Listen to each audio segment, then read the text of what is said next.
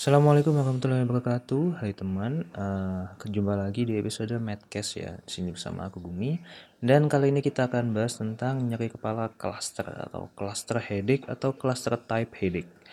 Hari ini sumber yang akan kita pakai adalah uh, panduan praktek klinis neurologi dari Perdosi tahun 2016 dan juga Medscape tentang cluster type headache. Jadi langsung kita mulai aja e, nyeri kepala cluster atau headache ini merupakan salah satu jenis nyeri kepala yang paling hebat dan insidensinya jarang dia. Dia ini mempunyai gambaran klinis khas dia berupa e, adanya nyeri kepala pasti tapi disertai juga dengan gejala otonom yang periodik yang dia ini membedakan dengan bentuk nyeri kepala lain. Kemudian uh, cluster headache ini sering terjadi pada malam hari dan karena hal itu dia itu sering buat pasien tuh bangun dari tidurnya. Dan bisa berulang setiap hari uh, di waktu-waktu tertentu yang sama untuk jangka waktu yang lama mingguan hingga bulanan. Setelah itu akan ada jeda di mana pasien tuh bebas dari sakit kepalanya. Jadi awalnya bisa sehari berapa kali bahkan. Itu bisa terjadi berulang-ulang-ulang-ulang bisa berminggu-minggu sampai berbulan-bulan. Terus kemudian bisa ada jeda yang pasien tuh bisa bebas dari cluster headache ini dan bebasnya juga bisa lama, bisa berbulan-bulan sampai bertahun-tahun. Kemudian secara epidemiologi dia ini uh, paling banyak di laki-laki, uh, cukup jauh ya dibanding wanita, jadi 9 banding 1. Biasanya kalau secara usia itu pasiennya sering sering kali serangan pertama itu pada usia 20 sampai 40 tahun. Kemudian uh, paling banyak kejadian onset atau awal mulanya itu di usia 20 sampai 29 tahun. Cluster headache ini menariknya juga uh, disebut juga dengan nyeri kepala histamin ya atau histamin headache ya. Ini tuh uh, kalau di Medscape sendiri patofisiologi dan etiologinya belum bisa jelaskan secara penuh. Uh, dengan karakteristiknya itu serangannya itu parah hingga sangat parah. Jadi beda dengan TTH ya. Di ini biasanya unilateral dan bisa menyerang di daerah spesifik lokal seperti orbita, supraorbita sama temporal. Dan dia uh, terjadinya durasi lamanya serangan nyerinya itu 15 sampai 180 menit. Dan biasanya ini uh, bisa dua kali sehari dua kali dua hari sekali atau sampai yang sering. Bisa sampai 8 kali sehari. Nah, uh, kan tadi kan juga disebut juga di PPK itu bahwa dia bisa disertai dengan gejala otonom. Nah, ini kalau menurut Medscape itu bisa disertai dengan gejala otonomnya. Biasanya itu ipsilateral, jadi gejala otonomnya itu sesuai atau satu sisi dengan nyeri kepalanya. Biasanya berupa injeksi konjungtiva, lakrimasi, kemudian apa namanya kongesti ya kongesti nasal kayak penuh gitu, terus rinori, kemudian berkeringat di dahi dan juga di wajah, kemudian miosis, ptosis atau edema pada palpebra.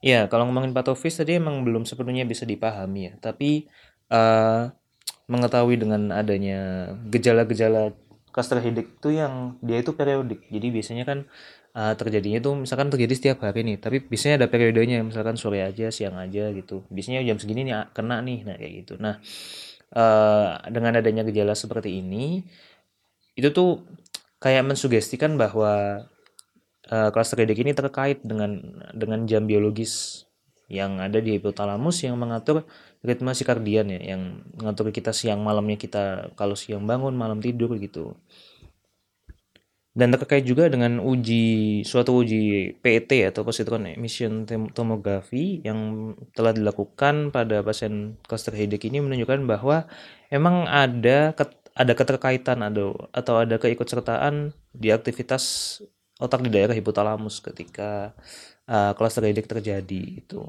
Nah, uh, dikatakan bahwa di sini tuh uh, adanya substansi P yang kita tahu kan sebagai apa namanya transmitter dari nyeri ya. Dia ini uh, bisa ditransmisikan ke nervus trigeminus yang merupakan uh, sensoris dari wajah kita ya. Nah, itu dihipotesiskan kemungkinan menjadi salah satu patofisiologi terjadinya cluster headache. Nah, kemudian di sisi lain juga ada hipotesis mengenai uh, vasodilator ya sebagai penyebab dari cluster headache ini. Tapi temuannya itu masih belum pasti mengenai uh, dilatasi vaskuler terhadap CH ini, uh, cluster headache ini karena temuannya itu masih inkonsisten, tapi ditemukan bahwa uh, yang zat yang bisa menyebabkan vasodilatasi seperti alkohol itu bisa menjadi salah satu faktor resiko dari cluster headache. Nah, jadi kalau dari anamnesis bisa kita temukan nyeri kepala yang hebat kayak tadi ya, unilateral, kemudian di orbita, supraorbita temporal ataupun kombinasi dari tempat-tempat lokal itu durasinya 15 sampai 180 menit, kemudian frekuensinya dari yang cukup jarang, nggak nggak cukup jarang sih sebenarnya, tapi itu yang paling jarang tuh uh, dua hari sekali sampai 8 kali sehari. Kemudian disertai dengan gejala-gejala otonom yang ipsilateral atau searah dengan isarah satu sisi dengan nyeri kepalanya seperti injeksi konjungtiva, lakrimasi, kongesti nasal, rinore, kemudian berkeringat di kening dan wajah, miosis, ptosis, dan edema palpebra. Kemudian uh, kalau di PPK neurologi ini ditambahkan bahwa selama serangan itu uh, mayoritas pasien itu biasanya mengalami kegelisahan ya atau agitasi. Ya kemudian yang perlu diingat lagi adalah uh, serangan headache ini ya maksimal 190 menit ya 3 jam relatif cepat lah. Tapi dia itu juga uh, biasanya disertai dengan periodisitas yang jelas jadi waktu-waktunya jelas kemudian uh, biasanya tuh kayak saat tidur atau saat apa namanya pagi-pagi gitu dan uh, biasanya ini ternyata dia uh, terkait dengan tidur fase REM ya, atau rapid eye movement. Nah kemudian uh, dia ini berbeda dengan migrain uh, karena dia nggak didahului dengan aura sama sekali dan biasanya nggak disertai dengan gejala-gejala seperti mual, muntah, fotofobi, usmofobi atau fonofobi ya. Kemudian uh, biasanya pasien itu mengalami periode klaster per tahun tuh 1 sampai dua kali. Jadi kan tadi kan dibilang bahwa ada kalanya dia itu klaster terus berhari-hari, berminggu-minggu, berbulan-bulan, tapi ada nggak kadang kala dia itu sembuh. Nah, uh, biasanya tuh sebagian besar pasien itu mengalami periode sakit itu sekali atau dua kali setiap tahun. Dan biasanya dalam skala periode ini dia itu uh, mulai dari dua minggu lamanya sampai tiga bulan. Kemudian nyerinya itu cenderung uh, karakteristiknya tuh seperti ditusuk-tusuk ya, tajam dan cenderung ya kayak dianu jarum lah. Dan kemudian kadang-kadang tuh kalau dia nyerinya di orbita itu atau orbita serasa uh, matanya tuh kayak ada yang mendorong keluar gitu. Kemudian meskipun uh, lokal unilateral sering di orbital, periorbita, retroorbita tepatnya, retroorbita, orbita, kemudian temporal, tapi juga bisa kadang-kadang nyebar ke pipi, kemudian dagu, kemudian daerah uh, tengah wajah ya. Dan biasanya tuh kalau dia pada periode klaster yang dari dua minggu sampai tiga bulan itu, biasanya uh, nyerinya itu selalu di satu sisi yang sama gitu. Tapi pada beberapa kasus jarang sekali, tapi itu uh, bisa bertukar sisi nyerinya. Kemudian onset nyerinya itu uh, cepat dan mendadak ya biasanya awal nyeri ke puncak nyeri itu bisa 10 sampai 15 menit jadi jadi cukup cepat.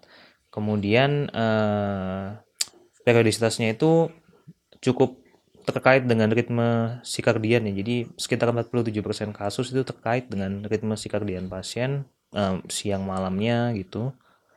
Kemudian uh, ketika periode sehatnya itu ya periode remisinya itu bervariasi, cuman rata-rata tuh uh, dua tahun dengan biasanya uh, rata apa namanya jaraknya itu dua bulan sampai 20 tahun. Kemudian kalau ngomongin gejala otonom yang menemani itu ya, jadi yang paling banyak itu konjung, injeksi konjungtiva atau lakrimasi uh, di sisi yang sama itu 80 sampai 90%, kemudian Rinore atau kongesti nasal itu 50 sampai 75%, kemudian sisanya ini sekitar 26% pasien. Kemudian kalau menurut Medscape itu uh, pencetus atau trigger dari uh, serangan klaster ini terutama bisa nyebabin vasodilatasi kayak alkohol, terus tembakau, kemudian cuaca yang panas, kemudian nitrogliserin ya. Kemudian stres relaksasi juga bisa. Dua-duanya bisa. Kemudian temperatur yang ekstrim.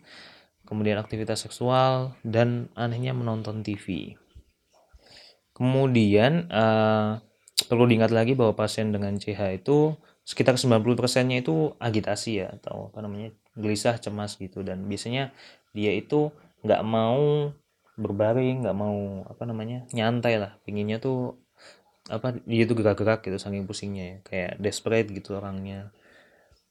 Nah kemudian di beberapa kasus dari cluster headache itu uh, bisa terjadi penyebab sekunder berupa lesi struktural ya pada otak. Nah itu uh, biasanya disertai dengan gejala-gejala atipikal seperti uh, kejadian headache atau nyeri kepala klasternya itu yang enggak mengikuti suatu periode suatu pola periode tertentu itu bisa. Kemudian adanya uh, nyeri kepala residual. Jadi dia itu setelah serangan setelah tiga jam misalnya maksimal itu nggak pernah benar-benar hilang nyeri kepalanya. Itu juga jadi penanda.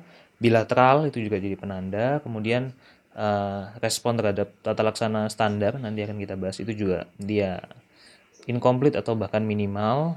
Kemudian bisa nanti di pemvis itu ada uh, lateralisasi misal kayak gitu nah kemudian kalau dari anamnesis juga itu bisa membedakan antara cluster headache yang periodik dengan yang eh, episodik dengan yang kronis nah kalau yang episodik itu uh, 7 hari sampai satu tahun kemudian uh, antar serangan klaster itu dipisahkan dengan atau dipisahkan dengan fase remisinya itu interval yang pain free ya, yang nggak ada nyerinya sama sekali, paling tidak satu bulan.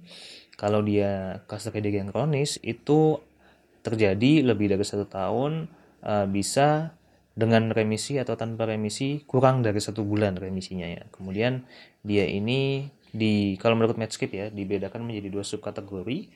Kemudian berupa cluster headache kronis dari onset dan cluster headache kronis yang terjadi dari cluster headache yang episodik gitu. Jadi perkembangan. Tapi kalau yang satunya itu memang dari onset awalnya sudah tergolong yang kronis, kalau satunya dari episodik gitu.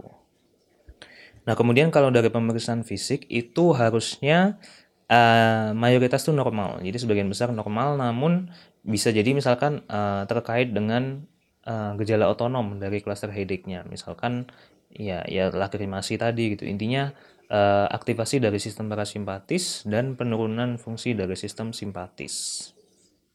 Nah, kemudian juga harus dilakukan penilaian skala nyeri ya, bisa pakai FAS atau Wong Baker Face Scale. Kemudian uh, dilakukan pemeriksaan neurologis dan uh, harus berfokus kalau menurut uh, apa namanya ini PPK itu harus fokus ke kesadaran, kemudian nervus cranialis, motoris, sensoris dan juga otot-otot di perikranial. Kemudian uh, terkait dengan kriteria diagnosisnya, karena di kriteria diagnosisnya ini nggak butuh lab ya, jadi langsung kita bahas saja. Jadi uh, seperti biasa kalau apa namanya PPK dari berdosis ini biasanya pakai kriteria A, B, C, D, E gitu biasanya. Nah ini tuh kriteria A ya, yang A ini sekurang-kurangnya ada lima serangan yang memenuhi kriteria B sampai D. Jadi tiga kriteria di bawah ini uh, harus terpenuhi. Uh, sementara yang A ini uh, jumlah minimal serangannya. Jadi kurang-kurangnya ada 5 lebih dari sama dengan 5 serangan ya. Kemudian kriteria yang harus dipenuhi adalah poin B, nyeri hebat di daerah orbita, supraorbita dan atau temporal yang berlangsung 15 sampai 180 menit jika nggak ditangani.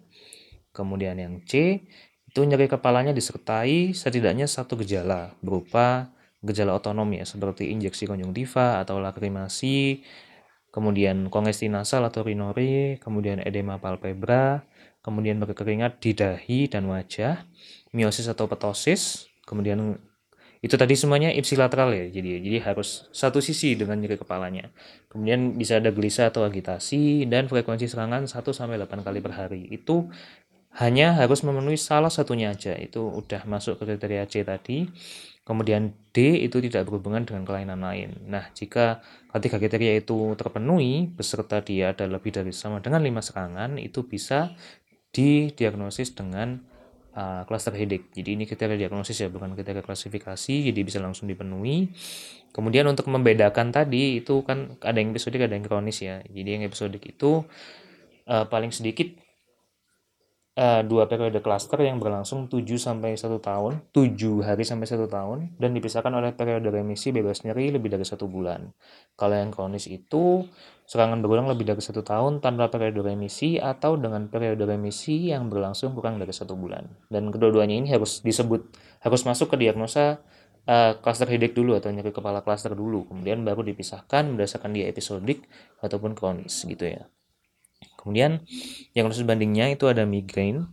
Kemudian uh, simptomatik itu biasanya karena ada etiologi sekunder ya berupa misalkan meningioma, kemudian adenoma kelenjar hipofisis, kemudian bisa aneurisma arteri karotis, Kemudian uh, bisa ada kelainan di nervusnya, terutama nervus trigeminus ya. Jadi neuralgia trigeminus, kemudian bisa terjadi temporal arteritis. Kemudian kalau mau dilakukan pemeriksaan penunjang itu bisa dilakukan neuroimaging berupa CT scan atau MRI kepala plus kontras. Nah, indikasinya itu kalau ada defisit neurologis atau kalau di terapi standar, nah, habis ini kita bahas, belum membaik selama tiga bulan serta keluhannya makin memberat. Nah, kemudian kalau kita ngobrolin tentang tata laksananya, itu ada dua sisi tata laksana ya. Jadi pertama ada tata laksana yang abortif atau yang terapi ya, terapeutik dan juga ada yang preventif ataupun profilaksis. Nah, hmm, jadi yang bisa dilakukan opsi paling baik untuk abortif itu adalah inhalasi oksigen dengan face mask itu bisa pakai oksigen 100% 7 liter per menit selama 15 menit. Kemudian opsi lain adalah DHE, dihidroergotamin, setengah sampai satu setengah miligram IV itu mengurangi nyeri dalam 10 menit. Tapi kalau dikasih IM atau nasal lebih lama. Kemudian kalau mau pakai triptan itu yang paling uh, evidence base yang paling baik itu sumatriptan injeksi SC ya 6 mg. Dia itu akan mengurangi nyeri dalam waktu 5 sampai 15 menit. Kemudian dapat diulang setelah 24 jam. Kemudian tapi Sumatera ini ada ada kontraindikasinya kayak penyakit jantung iskemik, kemudian hipertensi yang tidak terkontrol. Kemudian bisa juga pakai opsi nasal spray 20 mg tapi enggak kurang efektif dibandingkan yang subkutan. Itu efek sampingnya pusing, letah, letah, letih, parestesia dan kelemahan di muka. Itu kalau sumatriptan ini kan kalau nggak salah serotonin agonis ya. Nah, jadi uh, karena dia apa namanya mekanismenya itu adalah vasokonstriksi makanya dia harus uh, dilihat lagi pasiennya pada yang ada resiko resiko kardiovaskuler ataupun punya hipertensi yang nggak terkontrol. Kemudian yang lain ini dia evidence base-nya B, jadi bisa pakai zolmitriptan 5 mg atau 10 ml per oral. Anestesi lokal 1 cc lidocaine intranasal 4%, kemudian indometasin suppositoria. Opioid bisa berupa rektal atau stadol nasal spray tapi harus dihindari pemakaian jangka lamanya. Kemudian ergotamin aerosol 0,36 sampai 1,08 mg uh, sekitar 1 sampai 3 inhalasi intinya lah. Itu efektif pada 80% pasien, kemudian gabapentin ataupun topiramat. Kemudian untuk uh, farmakologi preventifnya ya, itu tuh kalau di PPK itu dibagi jadi dua. Jadi ada uh, preventif atau prevensi dari periode klasternya yang maksudnya maksudnya misalkan saat itu dia itu lagi periode klaster gitu dan yang kedua ada preventif yang secara general jadi untuk mencegah profilaksis terjadinya fase klaster lagi secara umum gitu. Nah itu yang bisa dipilih adalah uh, kalau dia prevensi yang pada saat dia periode klaster dulu ya. Ini bisa pakai prednison 40 sampai 75 mg per hari untuk tiga hari. Kemudian dosisnya direduksi dengan interval tiap tiga hari tapering off-nya dan berarti tapering off dalam 11 hari. Kemudian kalau uh, muncul lagi, dosisnya distabilisasi. Apa yang dosis yang stabil tadi. Kemudian setelah itu uh, bisa pakai tablet ergotamin tartrat. Tabletnya 1 mg uh, dengan dosis 1 sampai 2 tablet setengah sampai 1 jam sebelum prediksi serangan ya. Jadi kan ini kan lagi periode cluster ya dan biasanya periodisitasnya jelas kalau cluster jadi setengah sampai satu jam sebelum itu bisa dikasih tablet ergotamin. Kemudian, uh, tapi evidence base-nya membuktikan bahwa dia ini efektif pada 1 sampai 2 periode cluster pertama. Kemudian selanjutnya ada opsi DHE, uh, eh, injeksi 1 mg IM dua kali per hari setengah sampai 1 jam sebelum prediksi serangan. Kemudian bisa pakai capsaicin ya, surprisingly, uh, suspensi capsaicin yang inter, dikasih intranasal, dua tetes di kedua nostrilnya itu uh, bisa ada sensasi burning dan rinori diulang tiap hari untuk lima hari. Nah ini uh, evidence base-nya menunjukkan dia ini ada penurunan nyeri kepala, serangan nyeri kepala sebanyak 67%, tapi perlu dievaluasi lanjut lagi setelahnya. Dan setelah itu bisa pakai metisergit itu aman kalau durasi uh, periode klasternya saat ini itu kurang dari tiga bulan, tapi hati-hati efek samping fibrosis, dia itu dosisnya 1 sampai 2 mg 2 sampai 3 kali per hari. Kemudian bisa pakai CPZ, clofomazin 75 sampai 700 mg per hari. Kemudian untuk uh, profilaksis yang umumnya ya, uh, pilihan pertamanya adalah CCB. Paling efektif itu CCB uh, terutama yang NDHP yaitu non hidropiridin yaitu verapamil 120 sampai 160 mg 3 sampai 4 kali sehari. Selain itu juga bisa pakai CCB yang biasa yang di HP yaitu nimodipin 240 mg per hari atau nifedipin 40 sampai 120 mg per hari. Itu evidence base-nya A. Jadi dia yang paling intinya first line lah buat profilaksis dari cluster. Kemudian uh, bisa pakai steroid itu efektif 80 sampai 90 persen untuk prevensi serangan itu nggak boleh diberikan dalam waktu yang lama ya karena kita tahu efek samping steroid banyak sekali. Kemudian uh, dosisnya 50 sampai 75 mg setiap pagi, kemudian dikurangi 10% pada hari ketiga di tapering off gitulah. Itu juga evidence base-nya A. Kemudian uh, bisa pakai lithium 300 sampai 1500 mg per hari. Tapi biasanya kata-kata pakainya 600 sampai 900 mg itu udah efektif uh, level of evidence-nya B. Kemudian bisa pakai metisergit 4 sampai 10 mg per hari. Kemudian bisa pakai natrium divalproat, neuroleptik seperti CPZ, kemudian klonidin, alpha 2 agonis transdermal ataupun oral. Kemudian ergotamin tartrat sama kayak tadi 2 mg 2 sampai 3 kali sehari, 2 mg oral ataupun 1 mg rektal 2 jam sebelum serangan terutama malam hari. Kemudian bisa pakai dihidroergotamin, sumatriptan atau triptan lainnya. Kemudian bisa pakai opsitrek yaitu indometasin 150 mg per hari. Nah kemudian ini di PPK juga ada catatan khusus ya. Ini mungkin kayak algoritma pemakaian untuk yang profilaksis gitu. Jadi eh, terapi pilihan pertamanya prednison 60 80 mg per hari selama 7 14 hari prednison dan verapamil 240 mg per hari. Nah kalau gagal ganti ke metisergit 2 mg 3 kali sehari selama 1 2 bulan dan jangan diberikan dengan obat lain. Jadi mentisergit aja, kecuali bisa ditambahkan dengan hidrokodon bitartrat atau Vicodin nih.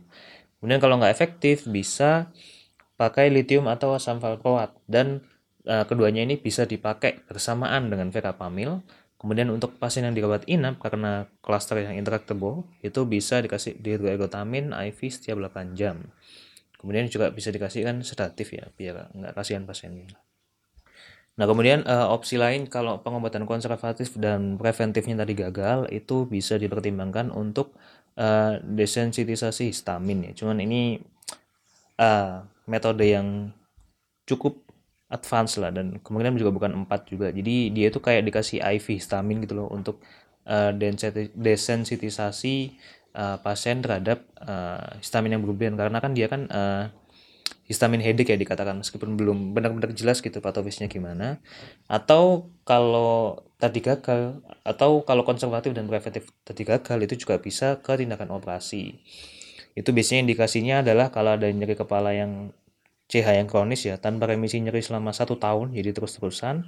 Kemudian eh, terbatas nyerinya unilateral kemudian eh, pasiennya stabil lah baik secara fisiologis kita biasanya ataupun secara mental dan medis Kemudian tindakannya ini yang bisa dilakuin aku bacain aja ya. Uh, nggak akan aku jelasin karena banyak sekali. Itu ada neurektomi oksipital, kemudian dekompresi atau pemotongan nervus intermedius atau petrosus superficialis mayor, kemudian termokoagulasi ganglion gasri atau gangliorizolisis namanya, kemudian uh, radiofrekuensi terhadap lesi di otak, kemudian dekompresi nervus trigeminus, kemudian injeksi gliserol pada ganglion gasri tadi, kemudian uh, ganglionektomi sphenopalatina, kemudian uh, juga bisa dilakukan pemotongan dari nervus trigeminus, tapi punya berbagai macam efek samping lah, salah satunya adalah anestesi dari kornea ya.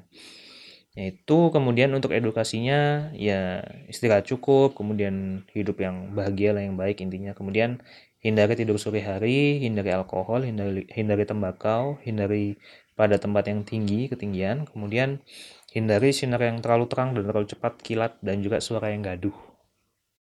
Nah, kemudian untuk kewenangannya itu kalau pada tingkat pertama itu kalau kita ada kecurigaan tentang klaster ya langsung dirujuk ke spesialis saraf. Kalau dia RS tipe B dan C, tata laksana medis, kemudian pemeriksaan CT scan plus kontras kalau ada defisit neurologis ataupun di terapi nggak membaik selama tiga bulan ataupun keluhannya makin memberat.